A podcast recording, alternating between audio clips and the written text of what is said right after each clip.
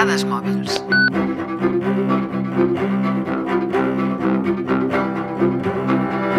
La llegenda de Daikokumai és un conte japonès que explica com un home va passar de la pobresa extrema a ser ric a través d'una sèrie d'exitosos intercanvis.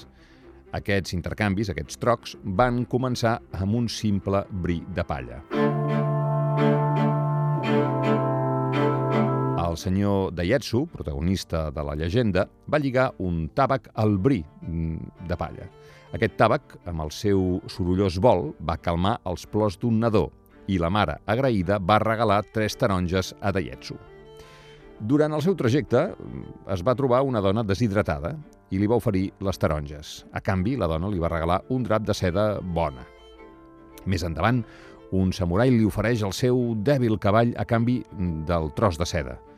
L'home cuida i cura el cavall fins a convertir-lo en un animal ben sa. Un home ric, impressionat pel cavall que veu, convida el protagonista a casa seva i, casualitats de la vida, la filla del milionari és la dona de les taronges. Es casa amb la noia i es converteix en milionari. En certa forma, és com el conte de, de la lletera, però al revés. Hi ha moltes cultures que tenen una història que va per una línia semblant, però avui en parlem al Dades Mòbils perquè el conte s'ha fet realitat. Symbolically holds it together, and it's really easy to remember.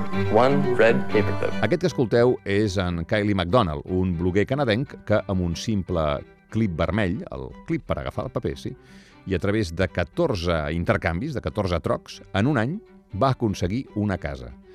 Eh, la seva història és de les que ja han passat als anals d'internet i sempre apareix a les llistes dels fenòmens històrics de la xarxa. El clip el va canviar per un boli en forma de peix, després per un pom de porta fet a mà, després per una estufa de càmping. El procés es va anar viralitzant des del seu blog i va començar a rebre ofertes de tot el món. La gent va començar a oferir la seva virginitat, parts, del cos, la seva ànima... Sorry, I don't deal in souls, or I don't deal in body parts. Tot i això, també va rebre ofertes ben legítimes, des d'un generador elèctric Honda fins una cita amb Alice Cooper, passant per un contracte amb una productora musical, el lloguer d'un pis per un any o un paper a la pel·lícula eh, Donna on Demand. La qüestió és que al final va aconseguir una casa on, per cert, encara hi viu feliç amb la seva família.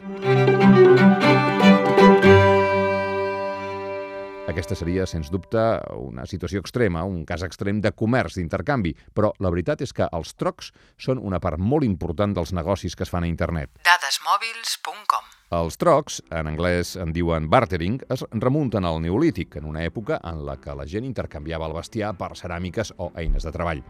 I és una pràctica que encara a dia d'avui persisteix i que gràcies a internet ha guanyat popularitat. Segons el conseller delegat d'una de les webs més famoses d'intercanvis, Hudson Barter Exchange, la recessió del 2000 és la que va provocar el boom. És ben cert que les noves tecnologies han ampliat les possibilitats de negoci i d'intercanvi de béns. Hi ha tota una sèrie d'explicacions i aplicacions mòbils i llocs web que potencien aquests processos. Per exemple, el que abans era anar a una botiga de segona mà, avui és un clic a l'aplicació Wallapop. Eh, Pugem la foto, posem el preu i esperem, negociem i venda feta.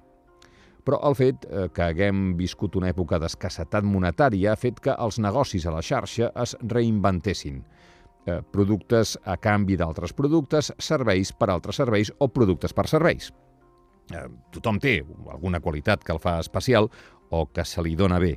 I també tenim la casa plena de coses que no fem servir. Així doncs, pots rebre classes d'anglès a canvi d'ensenyar a tocar la guitarra, o bé canviar uns llibres de text per roba o un carret de nadó per un equip d'esquí. Les possibilitats són infinites. I la cosa no acaba aquí. El sistema no es queda en intercanvis només entre persones, sinó que aquests mètodes han arribat fins i tot a les empreses de nova creació.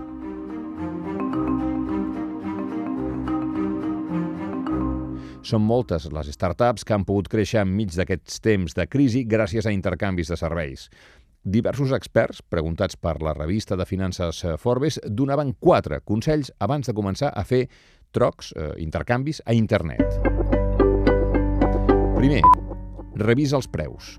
Quin valor té el que estàs oferint? Segon, no et centris en el preu, sinó en el valor.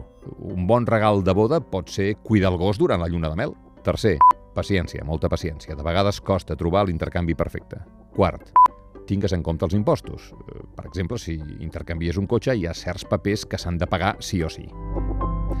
Està clar que el bartering online és una nova estratègia econòmica, una eina que tant l'usuari mig com un petit negoci o un emprenedor poden utilitzar i en poden treure benefici.